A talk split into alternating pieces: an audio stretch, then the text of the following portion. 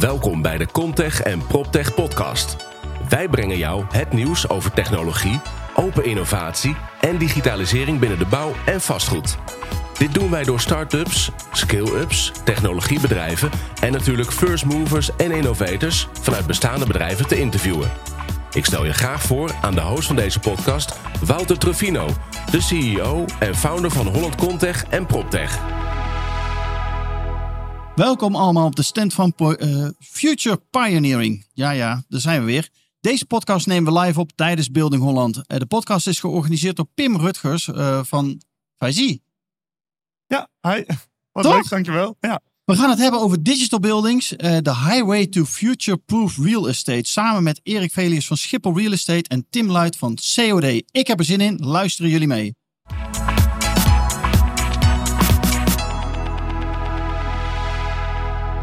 Digital Buildings, the highway to future-proof real estate. Daar gaan we het over hebben. Maar eerst even een korte introductie van iedereen. Pim Rutgers, vertel, wat doe je binnen uh, Visie? Ik ben Pim, ik ben CTO van Sense van Visie. Uh, Wij maken eigenlijk een smart building platform, wat gestoeld is op gebouw fysica.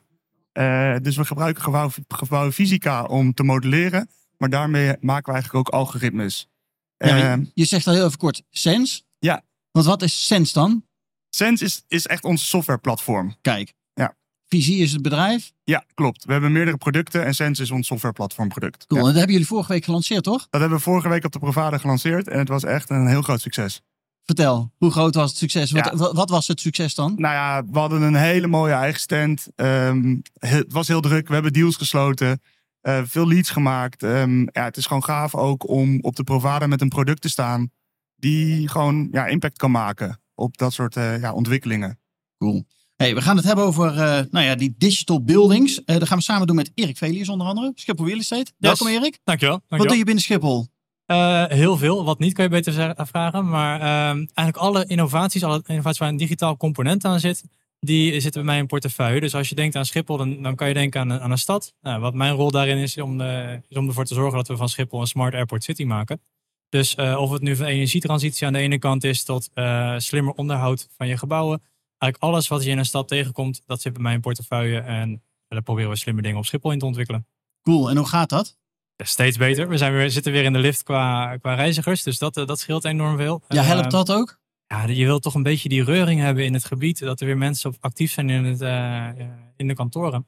Ja. Uh, ja, en je ziet gewoon dat we het verhaal en het gebruik van data, waar we ook vandaag weer voor bij elkaar staan, dat wordt gewoon steeds meer erkend. Uh, en je ziet dus dat er steeds meer nieuwe initiatieven komen die ook nou, succesvol zijn. Tim Luit, dat is de vierde man die we in deze podcast hebben. Vertel, wat doe je binnen COD? Uh, ik ben, werk bij COD. COD ben ik uh, enerzijds projectontwikkelaar, net als de rest.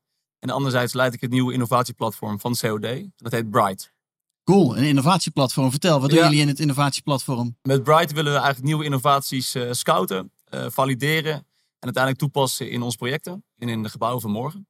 Dat is eigenlijk heel breed. Innovaties op procesniveau, hoe wij beter kunnen ontwikkelen en sneller kunnen ontwikkelen.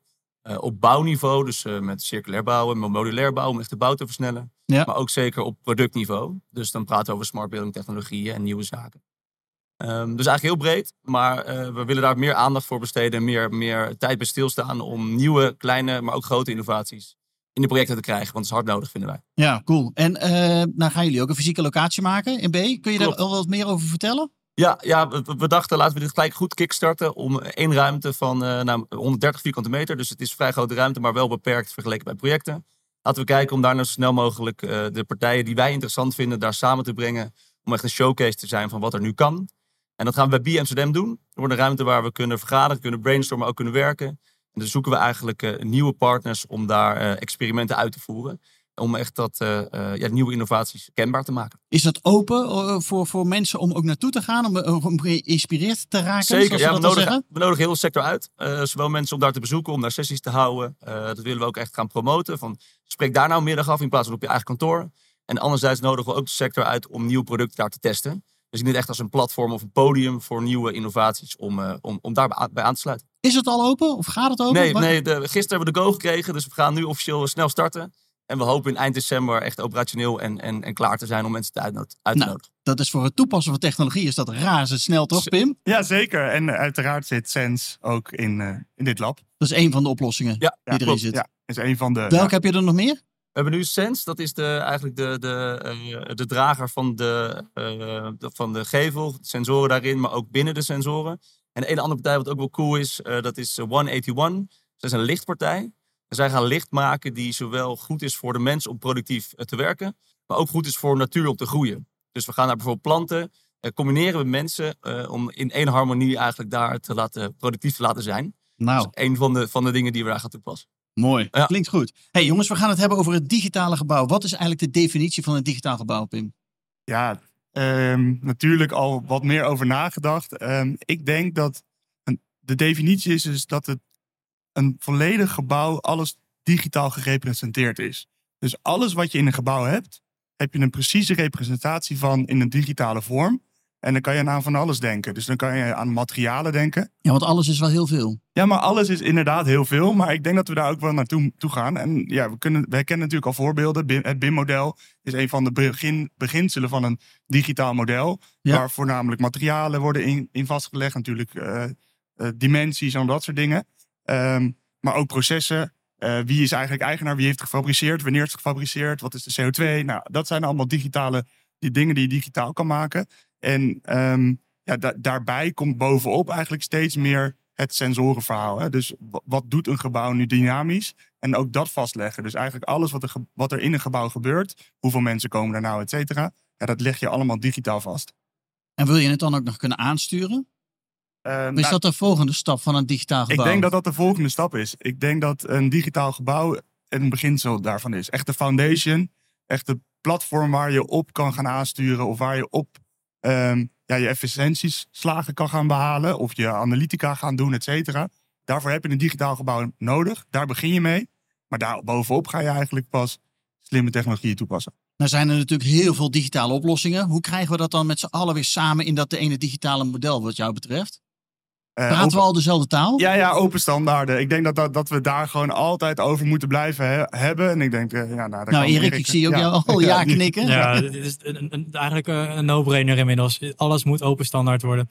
Ja, maar is het dat al of moet worden, zeg je? Ja, we zouden heel graag willen zeggen dat het op dit, op dit moment nu al zover is. Ja. Maar de praktijk is weer barstig. En je ziet gewoon dat dat oude, met name oude technologieën, als je helemaal vanaf vooraf aan begint, dan, dan kan alles. Maar eh, zeker als je gebouwen hebt in portefeuille zoals wij hebben, die, die 10, 20, 30 jaar oud zijn soms. Ja, Dan heb je ook, ook heel die, veel bestaande systemen. ook die moet je naar deze tijd toe zien te krijgen. En dat is zo'n enorme uitdaging. Is dat de grootste uitdaging van dit moment? Voor mij op dit moment wel. Ja, ervoor zorgen dat we die oude systemen eh, meekrijgen. En niet alleen de systemen, maar ook de partijen die ofwel het beheer en onderhoud doen, ofwel het product leveren als fabrikant. Dat je die twee meekrijgt in, in wat je voor ogen hebt. En eh, je ziet dus dat heel veel partijen nu verzanden in de alledaagse gang van zaken. En ja, je wil ze meenemen op die visie naar waar we naartoe moeten gaan. Ja, en dat, dat is gewoon heel lastig. Dat is Dat een enorme struggle om die mee te krijgen. Dat is nog niet zo makkelijk. Nee, Hey, welke verwachtingen zijn er vanuit ontwikkelaarsperspectief ten opzichte van digitale gebouwen? Tim? Ehm, ja, als je dat- kijkt naar het ontwikkelperspectief, wij zijn natuurlijk ontwikkelaar. Wij, wij, wij eh, verkopen uiteindelijk onze projecten aan beleggers. Ja. Dus als wij kijken naar echt naar verwachting van smart building technologieën, dan is enerzijds om die gebruiker te helpen.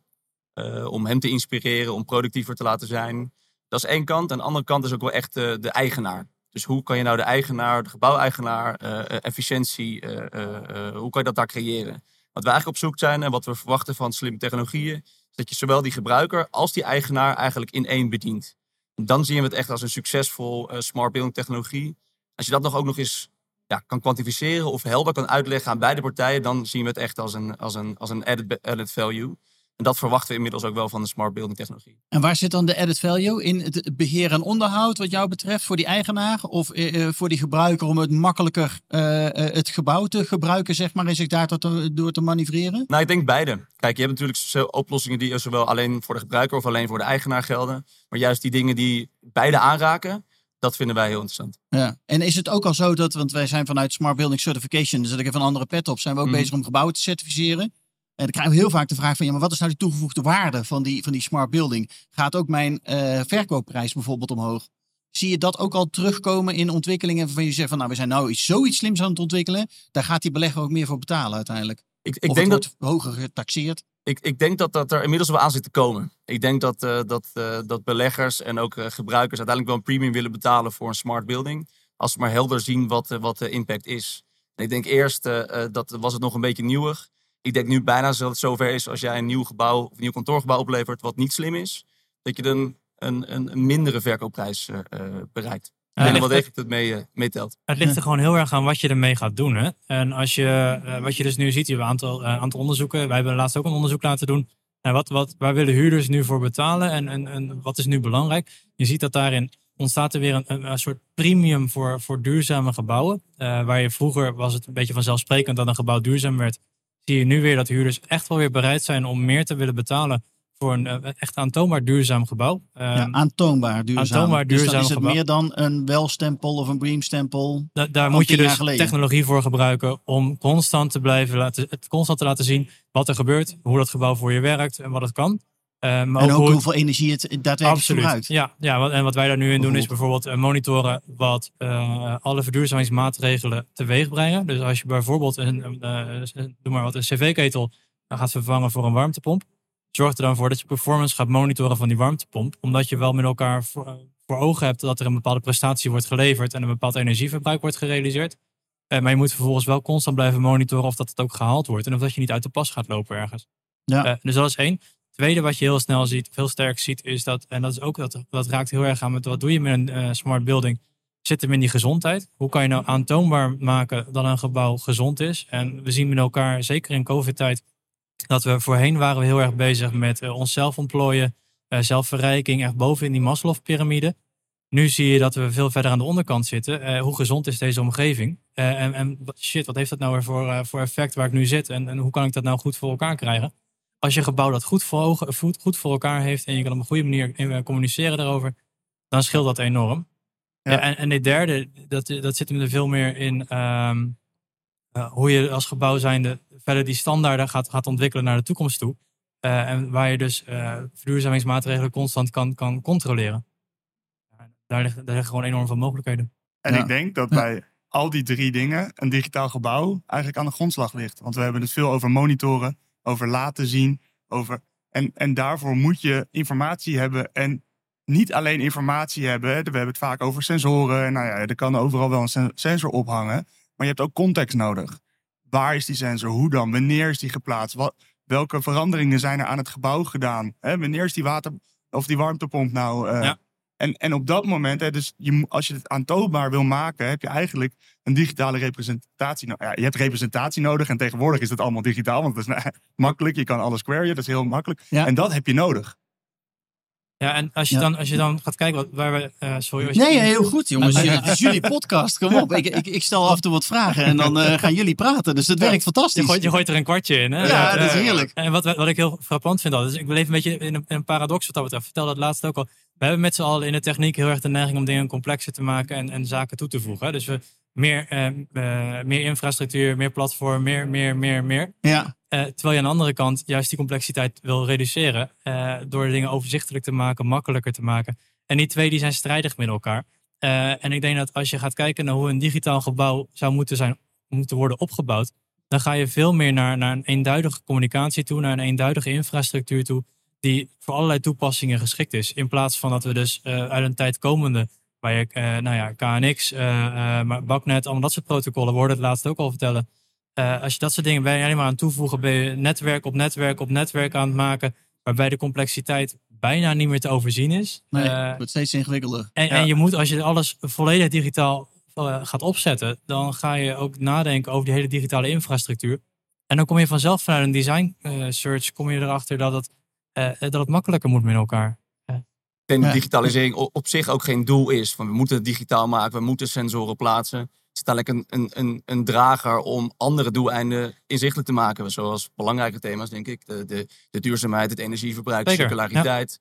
Digitalisering niet een doel op zich, om dat Ja. maar zo ingewikkeld en, en, ja, en, en zoveel mogelijk toe te passen natuurlijk. Ja, maar jij bent natuurlijk vanuit COD ben je verantwoordelijk ook voor die innovatie, voor die duur- verduurzaming. Dus je krijgt een enorme bak aan allerlei oplossingen Ja. je kant op ge- Ja, gegooid. Of ze bellen je continu op van, hey Tim, ik heb weer iets leuks, kun je het toepassen? Hoe hou jij het overzicht daarin tussen al die verschillende oplossingen die er zijn, die inderdaad, wat Erik ook zegt, wel weer met elkaar moeten praten ook? Nee, dat, dat is best lastig. Inderdaad, er komen van alle kanten komen, komen mensen die zeggen: Nou, ik heb het, ik heb het geweldig idee. Ja, iedereen Eh, heeft natuurlijk een fantastisch idee. Uiteraard. En Ja. ik, ik wil Zeker. eh, graag met iedereen altijd even zitten, want het is altijd wel interessant. Ja, Maar je ziet toch vaak dat het lastig is eh, voor nieuwe bedrijven om echt te pinpointen wat zij nou toevoegen aan de sector. ja. Ik denk dat het voor buitenstaanders best een moeilijke sector is het te begrijpen ook. Vaak komen eh, nieuwe partijen aan bij een ontwikkelaar en zeggen: nee, je moet eigenlijk met een belegger praten. Weet je wel, dat is af en toe een mismatch. En hoe ik het overzicht bewaar is eh, eh, om dat gewoon eh, ja, heel duidelijk in, in, in kaart te brengen. Zelf, zelf te, te categoriseren, zelf eh, te, te zeggen: nou, deze is interessant voor een belegger, ja of nee. Eh, en uiteindelijk, het doel is natuurlijk om met, met een paar bedrijven die echt interessant zijn, om pilots te gaan draaien. ja toch? Ja, en, dan- en dan eigenlijk nog, misschien nog wel verder. Want hoe ga je nou voorbij die pilotfase? Ja. Want daar, zit, daar ga je ook heel vaak, eh, daar ontstaat veel verwarring. En wat ik steeds probeer te doen nu vanuit ons perspectief, is daarin ook eh, bij, de, bij de partij waarmee we een pilot gaan doen, duidelijk te definiëren met wanneer is een pilot nou succesvol? Wat moeten we voor doen? En, en wanneer is die nou, eh, want als je niet definieert wanneer een succes is, kan je ook niet bepalen of dat je gaat do- doorgaat of dat je het afbouwt. Ja, want het liefst wil je een pilot natuurlijk doorschalen naar je hele portfolio. Ja, of je, of je, Of lessen, of je lessen leren en, en het weer iets anders gaan proberen. Maar wat je dus heel vaak ziet, is er worden gepilot en dat, die pilot con- eh, continueert en continueert en wordt nog, nog meer verder verlengd.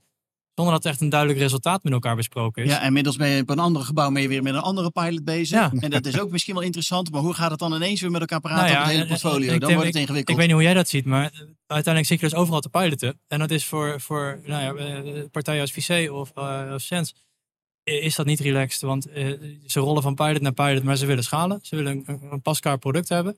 Eh, en, ja, en voor ons, wij zitten altijd alleen maar in de pilotfase. Ja, dat, Ja. dat wil ik ook wel een keer uit. Ja, nee, zeker. Maar ik denk, denk, wij zijn gelukkig een klein genoeg bedrijf om als iets werkt, dan gaan we toevoegen. Eh, we, zijn, we doen grote projecten, maar met een heel compact team. Eh, en we zeggen een pilot altijd, eh, wat je zegt, het moet meetbaar zijn. De, de resultaten moeten helder zijn. En als het ook lukt, zeggen we tegen elkaar, nou, we hebben niet voor niks aangegaan. We gaan Testen, het gelijk we gaan integreren. voor- Ja, we gaan dat, verder. Dat doen we. We doen niet een pilot om het pilot doen. Zo. Ja. Ja, cool. Heel cool. hey jongens, ehm, Pim, jullie zijn ook een- enorm bezig geweest met die hele sensontwikkeling. Ja. Eh, hoe is dat gegaan en hoe heb je dat technisch zo voor elkaar gekregen dat het ook nou ja, werkt wat je eigenlijk wil dat het doet?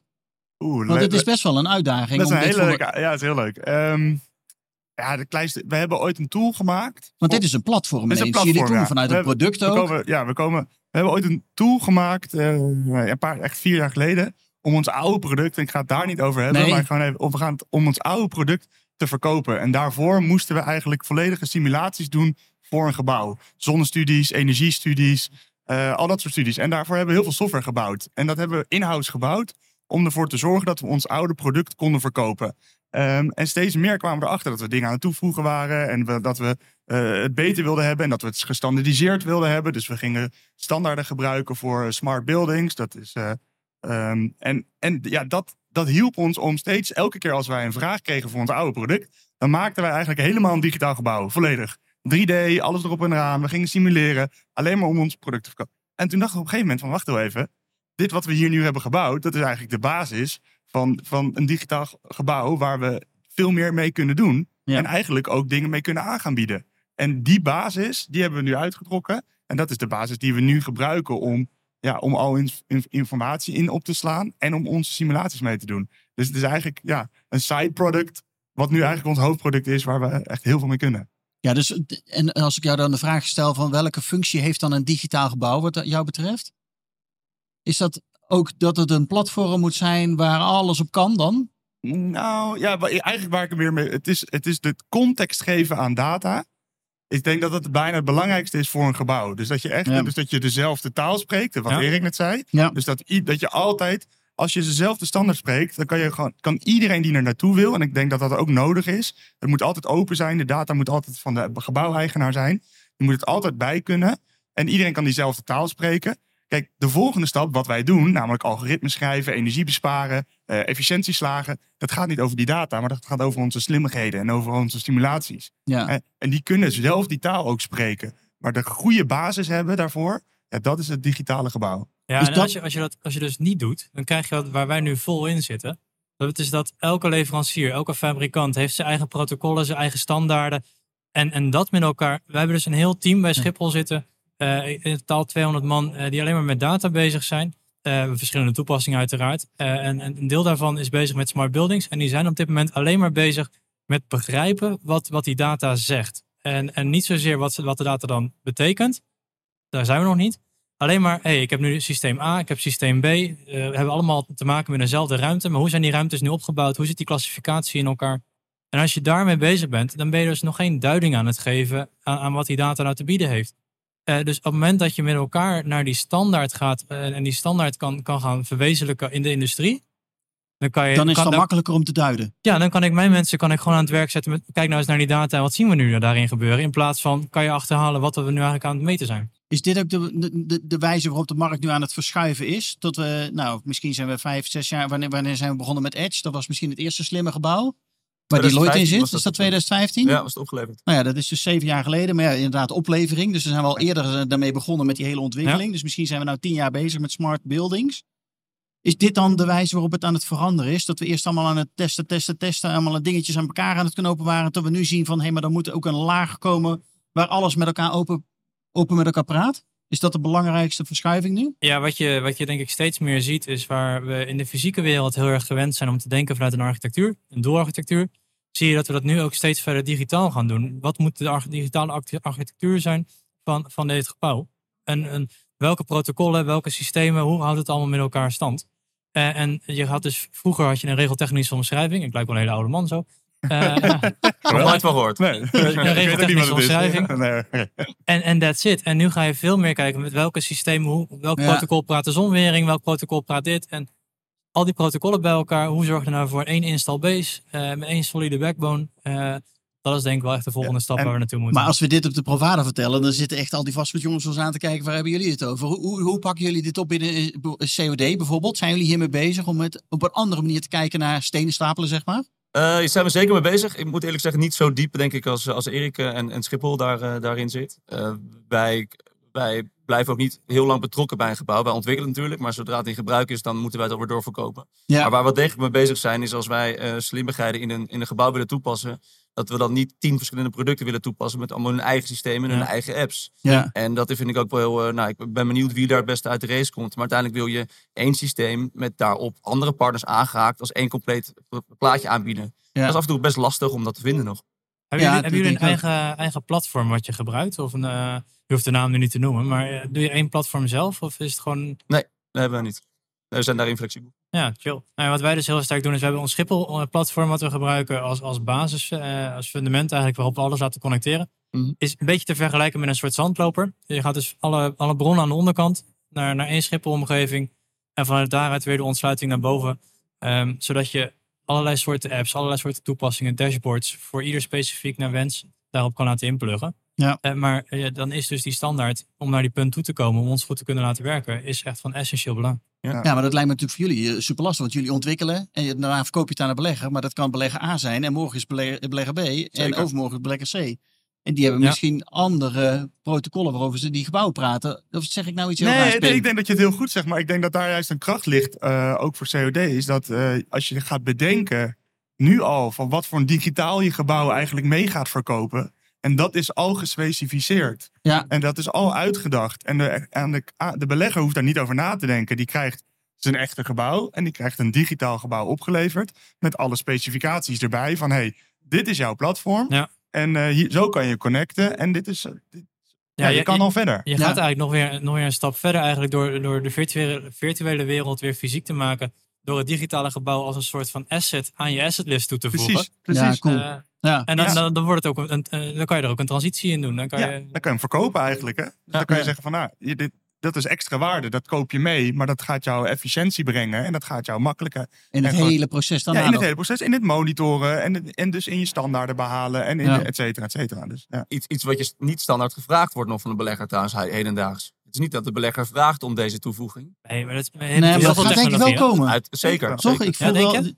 Nou, ik denk wel dat er nu eh, langzaam tot partijen er wel anders over na aan het denken zijn. Ja, ik, ik vraag me dan toch af. Ik hoop wat je heel veel ziet is dat het toch een soort technology push moet zijn. Met dit is gewoon wat je krijgt. En eh, zo doen we het. Ja, maar dat komt toch ook vanuit de hele ESG's en de hele, nou ja, de, de aantonen waarom je bepaalde dingen eh, hebt gedaan. Ja. Maar, en ook hoe energiezuinig je bent, hoe duurzaam je bent. Ja, dan zul je toch ergens een, Ja, maar het zit hem veel meer in- het compliancy vraagstuk dan echt in hoe ga je met je, met je digitale gebouw om, denk ik. Misschien. Huh. Misschien is dat nog een stap te ver. Wel Hey, leuk om over na te denken. Ja, per se. hey, jongens, maar nieuwe technologie, dat staat ook zeker voor on- on- onzekerheid. Hoe waarborgen we nou kwaliteit eh, voor de toekomst? Dat is natuurlijk lastig. Start-ups, scale-ups, kom al met nieuwe technologie. Ja. En de- de- Dan zijn we vier jaar verder, wordt het geïmplementeerd. Eh, Bestaat die partij nog wel? Is de technologie alweer veranderd? Allemaal vraagstukken waarvan ik zou denken als ontwikkelaar van, hoe ga ik hiermee om? Ik vind het ook heel moeilijk. Ja. Ja, wij ook. Ja, Ja. ik heb niet de kant-en-klaar antwoord daarop eigenlijk. Maar ehm, nee, zeker weten. Kijk, als je, als je nu een, een, een, eh, als maar een project drie jaar duurt en je zegt nu, nou, we gaan met partij A in zee. Het, het product zelf is al achterhaald waarschijnlijk over drie jaar. Ja, Eh, en misschien dat die partij eh, nou nog een switch heeft gemaakt naar een andere productielijn en eigenlijk hier minder aandacht aan besteedt. Je weet het niet. Dus het vinden wij best wel lastig om daarmee om te gaan. Ja, Ja. Wat, we nog, wat wij nog proberen te doen daarin is een soort, een soort van af te breken met hey, waar zit het risico dan in? Zit het, zit het in een temperatuursensor? Nou, dat is inmiddels zoveel commodity, eh, zo'n commodity geworden. Eh, daar zit geen risico meer in. Dus dan, dan ga je op die manier ga je afpellen met oké, wat voor technologie heb ik mee te maken? Of dat het nu een laadpaal is of een klimaatsensor. eh, eh, je afbreken, kijken waar zit het risico in? Is dat vervangbaar? En eh, als, dat, eh, als dat zo is, dan is dat risico we- wegneembaar. ja. Afneembaar. Want hoe zie jij dat, Pim? Wat, wat voor Eh, vragen krijgen jullie van de opdrachtgevers? Nee, ik- even eerst een antwoord op, op de vraag. Ik denk dat een beetje een langspeelplaat word ik wel hoor. Want eh, ik, ga, ik herhaal me weer. Het gaat weer over open standaard. Het moment dat jij in die specificatie een product aanneemt wat eh, een open standaard kan spre- spreken.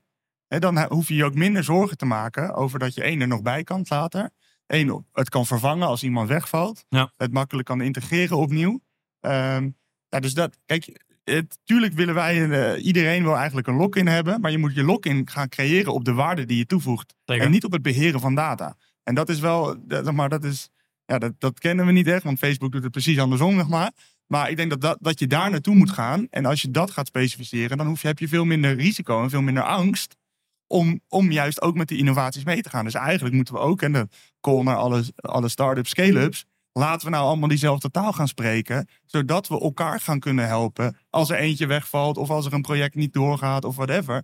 Dat we elkaar meteen kunnen oppakken. Nou ja, Ja, en misschien ook wel te concurreren Ja. tegen, eh, met de Big Five ergens. Want, Ja, natuurlijk. Ja. Ja. ja, want die wil je ook misschien niet binnen hebben. Ofwel, maar dat is dan een je, hebt ze, keuze. je hebt ze nodig. Ja, Ja. dat, ja, Maar- dat maar- ook nog eens. We, Ja. hebben, we hebben de start-ups net zo goed nodig. Eh, Want die zijn snel en wendbaar en die kunnen nieuwe toffe dingen maken. Zeker. hey jongens, hoe gaan we dan eh, een standaard creëren die future-proof blijft? Is dat die open standaard?